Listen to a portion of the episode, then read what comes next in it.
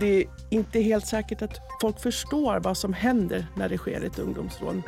Ett vanligt tillvägagångssätt är ju att de är några stycken som omringar en person och det kanske man inte alltid lägger märke till vad som händer i den cirkeln när man passerar.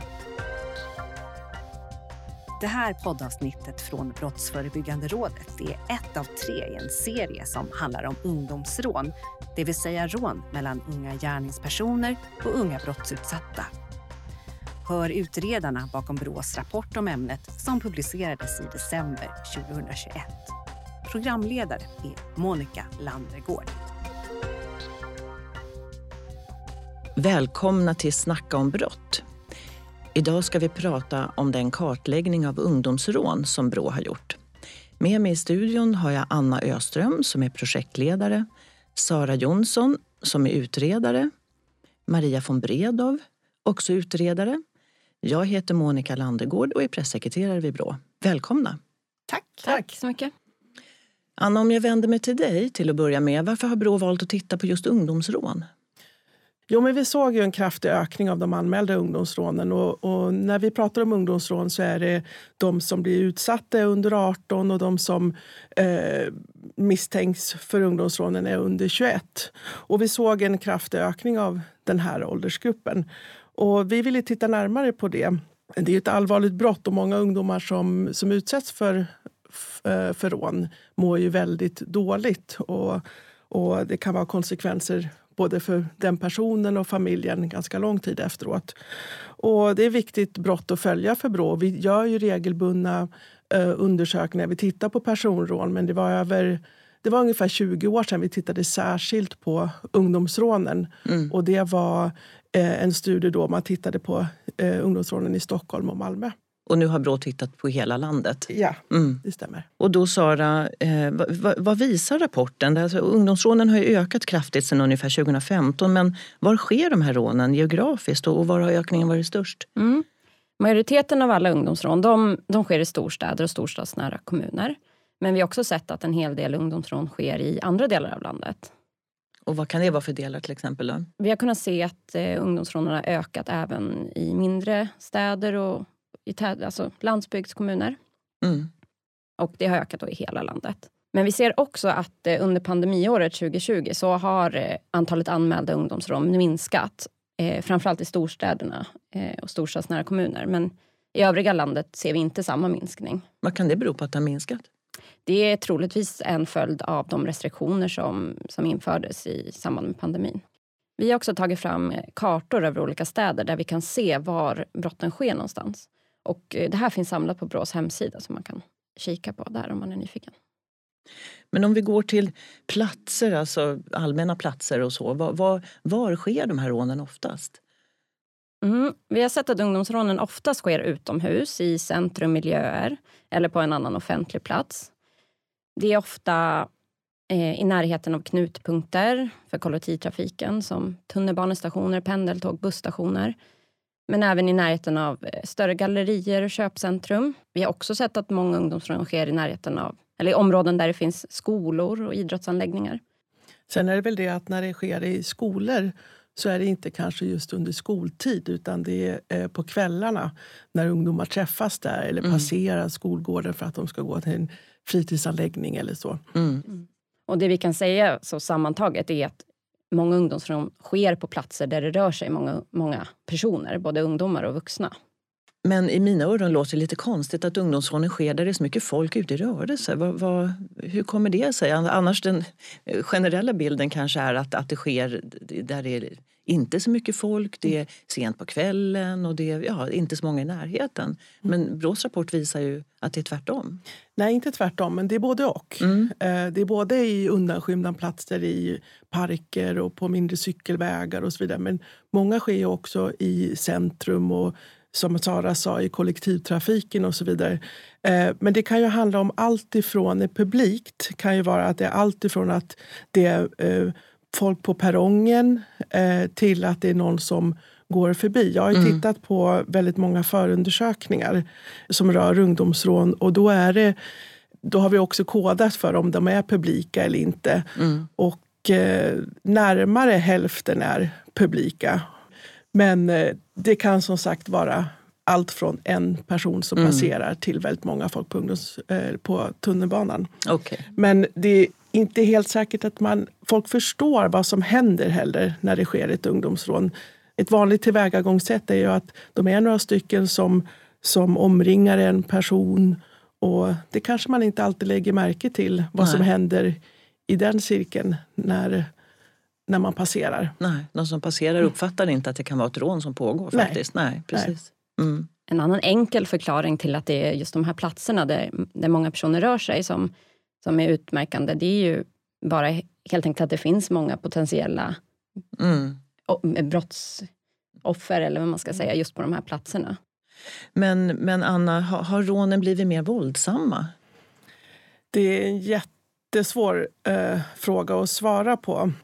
Vår studie indikerar att eh, det förekommer något mer våld än för 20 år sedan i samband med ungdomsrånen. Men det är också svårt att jämföra. I den förra rapporten var det två städer man tittar på. Nu har vi tittat på hela landet. Det är ett annat und- delvis ett annat underlag man hade då men då var det våld i drygt hälften av fallen och vi ser att det är något fler i den här rapporten. Men det som den förra rapporten, den för 20 år sedan i Malmö och Stockholm visade var ju att det framförallt är eh, de ungdomsrån som, som det förekommer våld som anmäls. Mm. Sen finns det ju ett mörkertal. Liksom. Så Mm. att det, det, det är en väldigt svår fråga att svara på. Men vi ser ju att våld förekommer. Och då, vi har ju tittat på allt från knuffar och milt, annat milt våld till eh, slag och sparkar och även grov misshandel. Och det vanligaste är ju att det är, eh, om det förekommer våld, att det är eh, slag och sparkar. Sara, vad vet vi om gärningspersonerna? Vilka är det som rånar? Ja, de flesta som misstänks för ungdomsrån det är pojkar mellan 15 och 17 år. De flesta har utländsk bakgrund och de bor ofta i socialt utsatta områden.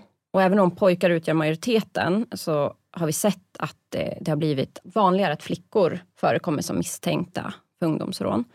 Och då framförallt i polisregion Stockholm. En annan intressant sak som vi har sett är att det inte är ovanligt att man har blivit misstänkt mer än en gång.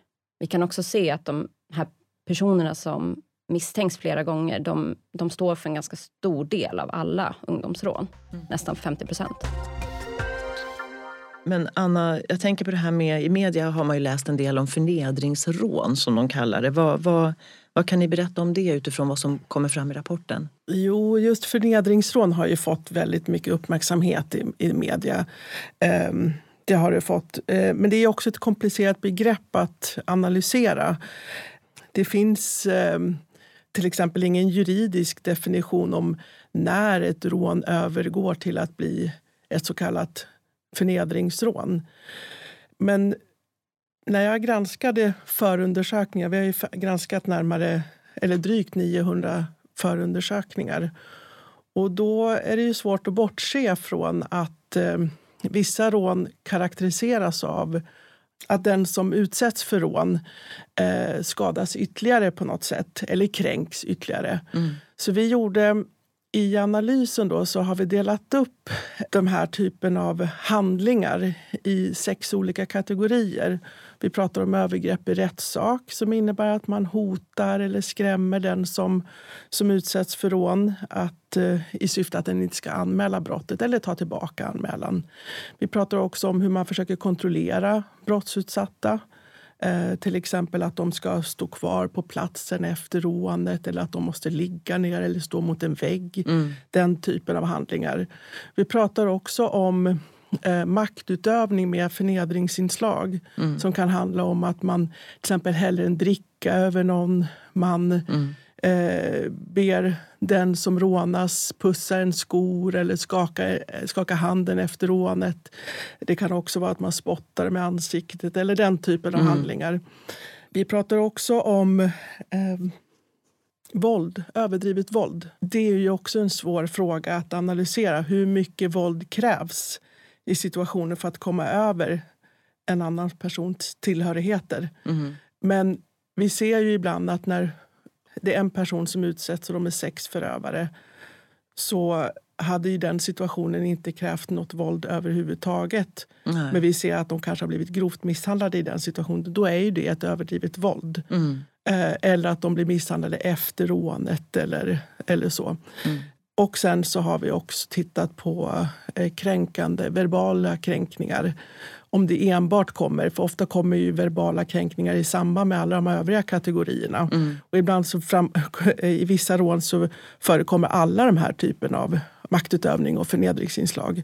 Så ja, för att svara kanske lite kort på, den här, lite, på, kort på en ganska lång och komplex fråga så, så, så, har vi tittat på det i alla fall Mm. i, i den här studien. Och det är någonting eh, nytt för Brå.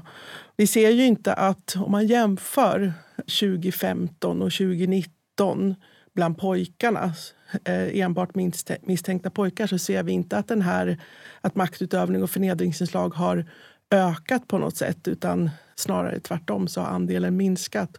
Å andra sidan så har vi fler rån idag än tidigare vilket också gör att det, det finns ju kanske en antalsmässig ökning men inte andelsmässigt. Eh, bland flickorna däremot så ser vi att, att eh, rånen faktiskt karaktäriseras av den här typen av handlingar. Det är väldigt vanligt bland flickor med, med både maktutövning och med förnedringsinslag. När flickor är gärningspersoner, för Ja. det hade jag precis tänkt att fråga. Ja. Vad är det för skillnad mellan eh, flickor som gärningspersoner och, och pojkar just när det gäller den här typen av eh, förnedringsinslag? Alltså, det man får komma ihåg eh, vid en sån jämförelse det är att en viktig skillnad mellan misstänkta, när det bara är misstänkta pojkar och när det bara är misstänkta flickor det är att flickorna är, i två tredjedelar av fallen känner eller är bekanta med den som rånas. Mm. Medan eh, bland pojkarna är det omvända förhållandet. Så de har också en mer, verkar vara mer instrumentell eh, förhållande till, till rånet. Flickorna använder väldigt mycket hot och våld och maktutövning eller maktdemonstration med förnedringsinslag. Ja, mycket våld. Mm.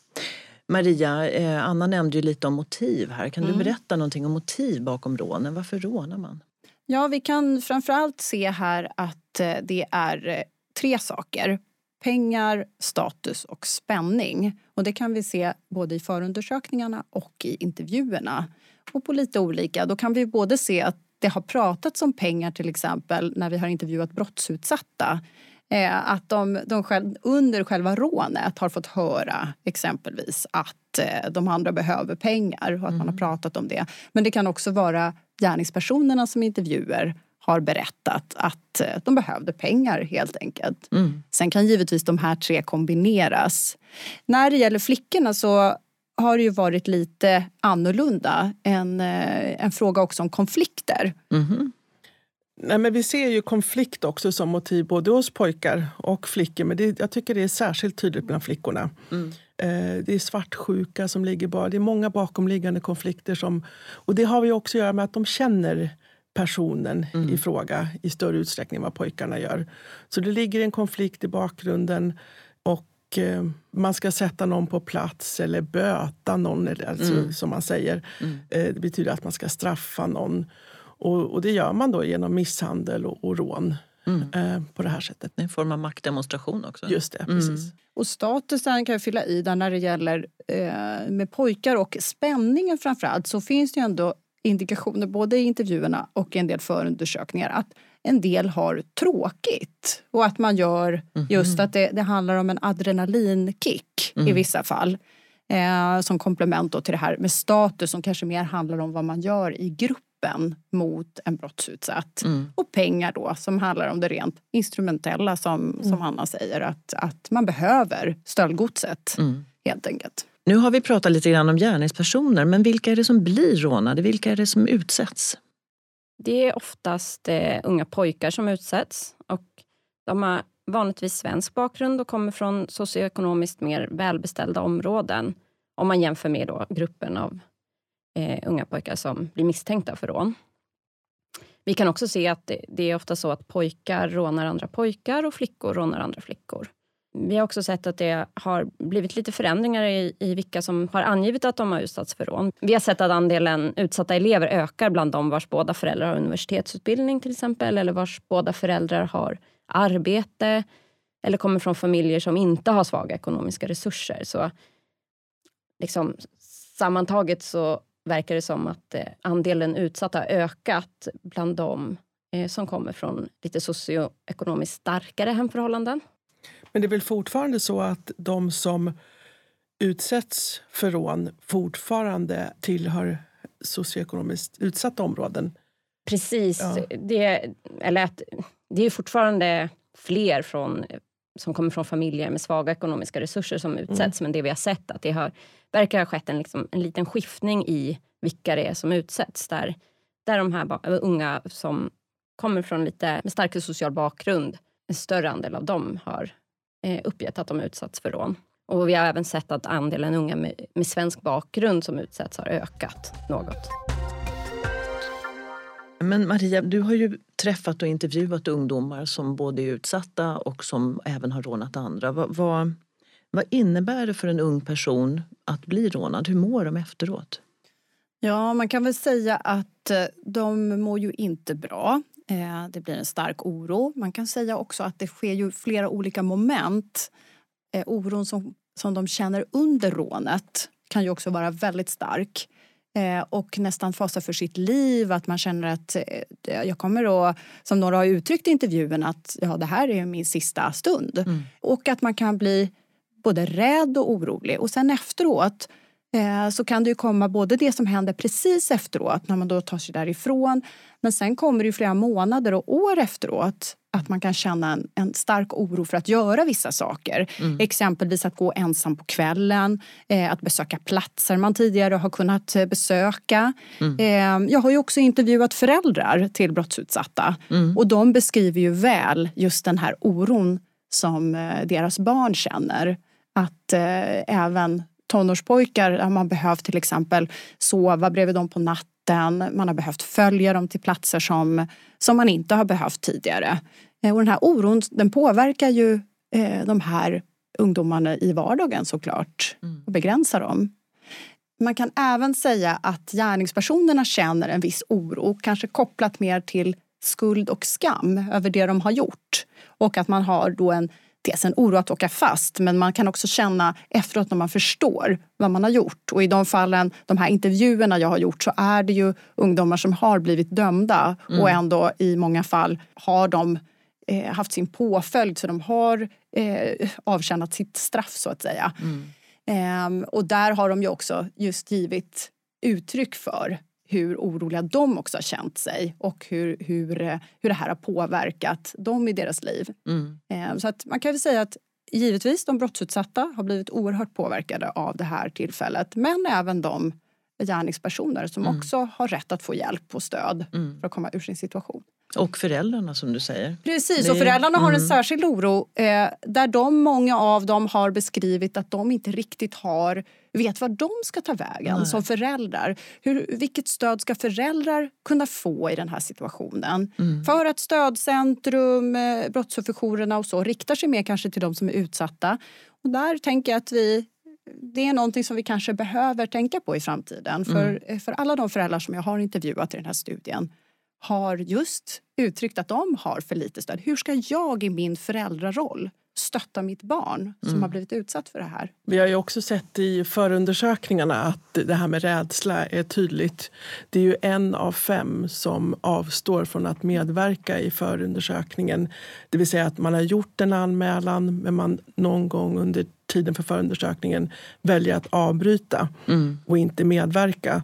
Och väldigt, väldigt många av dem har uttryckt rädslor också mm. i efterhand. Och då handlar det om rädslor för att träffa på de här gärningspersonerna igen eller andra konsekvenser av själva anmälan. Är det på grund av att de har blivit utsatta för hot till exempel eller vet vi det? Många utsätts för hot, uttalade hot mm. just i samband med själva rånet. Sen så finns det vissa personer som har blivit utsatta för hot innan rånet eller efter rånet. Mm. Och då i, handlar det många gånger om efter rånet om övergrepp i rättssak. Det vill säga att de försöker förmå dem att ta tillbaka anmälan eller att de inte ska anmäla. Mm. Men jag undrar Sara en sak här. Du sa ju tidigare att pojkar rånar pojkar och flickor rånar flickor. Varför ser det ut på det sättet? Ja, det i, både i förundersökningarna och i våra intervjuer med de här pojkarna så är det flera som säger att eh, det är liksom en hedersfråga. Man, eh, man rånar inte barn och man rånar inte flickor. Berättar pojkarna det? Ja, mm. det är flera som har sagt det till oss. Och när det gäller flickorna så handlar det ju som vi pratade om tidigare just om det här med konflikter. Mm. Mycket att man känner den som man rånar och, och man har en konflikt med den personen.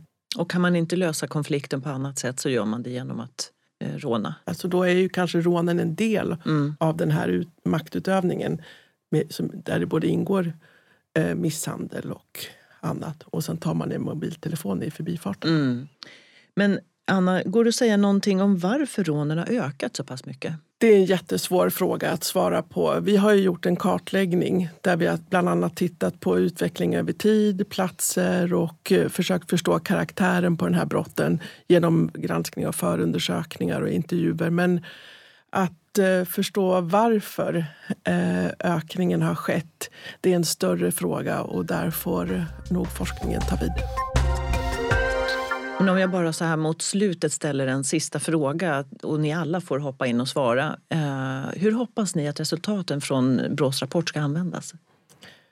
Ja, förhoppningen är väl, är väl att kunskapen används, eh, den kunskapen som presenteras i rapporten och att den genererar en vidare diskussion bland, bland aktörer som jobbar med eller nära ungdomar. Eh, och, och att man också bli medveten om de ganska stora konsekvenser som, som ett rån för en ungdom kan innebära. Och inte bara för ungdomen utan familjen i övrigt. Jag tänker väl också att det finns vissa saker för, för annan forskning och även Polismyndigheten att titta närmare på. Vi tänker på, framförallt kanske på ekonomin i ungdomsrånen. Vi har ju sett här att, att eh, ungdomar säljer sitt sina byten till eh, vissa behållare men andra säljer via eh, såna här köp och säljsajter både på internet och alltså etablerade sajter och eller sidor kanske man ska säga på internet och sociala medier men även till butiker. Och de här butikerna är ju möjliggörare av ungdomsrånen. Vi hoppas ju att, att Polismyndigheten har möjlighet att titta närmare på ekonomin mm. i ungdomsrånen. Men också hoppas vi att även Polismyndigheten utreder hur det kommer sig att en så stor andel av rånen bland flickor, misstänkta flickor tillhör polisregion Stockholm. Kan det vara att man registrerar de här brotten på olika sätt? Det är inte bara brottskoder för, för, för rån som förekommer utan det är övergrepp i rättssak, misshandel mm. och så vidare. Eh, är det en, annan handläggning i Stockholm? Eller är det att man har synliggjort flickorna bättre här i polisregion Stockholm än i övriga delar av landet? Eller finns det naturliga förklaringar? Sen hoppas vi också att, att man synliggör. Vi är väldigt oroade över utvecklingen över flickorna. De har ökat kraftigt och eh, det är väldigt allvarliga konsekvenser av, av flick, just flickrånen också. Mm. Mm. Ja, och särskilt med tanke på att vi tycker oss se att flickrånen har en liten annan karaktär. Så det är viktigt att ha med sig när man ska jobba liksom, förebyggande mot, en, mot just eh, flickrån. Eller vad man ska mm. säga. Att det är mm. viktigt att veta vad som, vad som utmärker dem. Men sen tänker jag liksom överlag att, att det finns en samlad bild av vad som karaktäriserar rån. Var de sker, när de sker, vilka som utsätts. Att det är viktigt för hur man ska liksom lägga upp det, ja, men det brottsförebyggande arbetet kring, kring de här brotten. Det är ju också så att ungdomar själva är väldigt intresserade av den här frågan om ungdomsrån. Det är någonting som oroar dem mycket. Det ser vi i självrapporterad statistik. Det är någonting som händer deras kompisar. Det är någonting som händer eh, dem själva. Eh, så att vi hoppas också att den här kunskapen ska kunna nå ut till ungdomar så att de också känner att de får mer information och kunskap. Och eh, att deras röster har kunnat höras i den här rapporten i och med intervjuerna, i och med att vi har kunnat ändå lyfta deras röster från förundersökningarna och visar att, att det är en viktig källa till information och kunskap för att kunna arbeta vidare med det brottsförebyggande mm. arbetet. Och att de ungdomar som har blivit, blivit utsatta för rån också förstår att de inte är ensamma i det här. Och du Maria har ju faktiskt spelat in två ytterligare poddavsnitt där du har intervjuat eh, en ung gärningsperson och en ung brottsutsatt. Och de kan man också lyssna på om man vill veta lite mer och få höra det perspektivet. Mm, just det. Och det får bli de avslutande orden. Jag tackar er för att ni kom hit idag och pratade om ungdomsrån. Anna Öström som är projektledare på Brå, Sara Jonsson som är utredare vid Brå och Maria von Bredow, också utredare vid Brå. Tack ska ni ha. Tack. Tack. Och jag heter Monica Landergård och är pressekreterare vid Brå. Tack för att ni har lyssnat. Det här avsnittet av Snacka om brott från Brottsförebyggande rådet är ett av tre om ungdomsrån. De andra avsnitten hittar du i din poddapp. Och om du vill läsa rapporten om ungdomsrån kan du ladda ner den från Brås hemsida.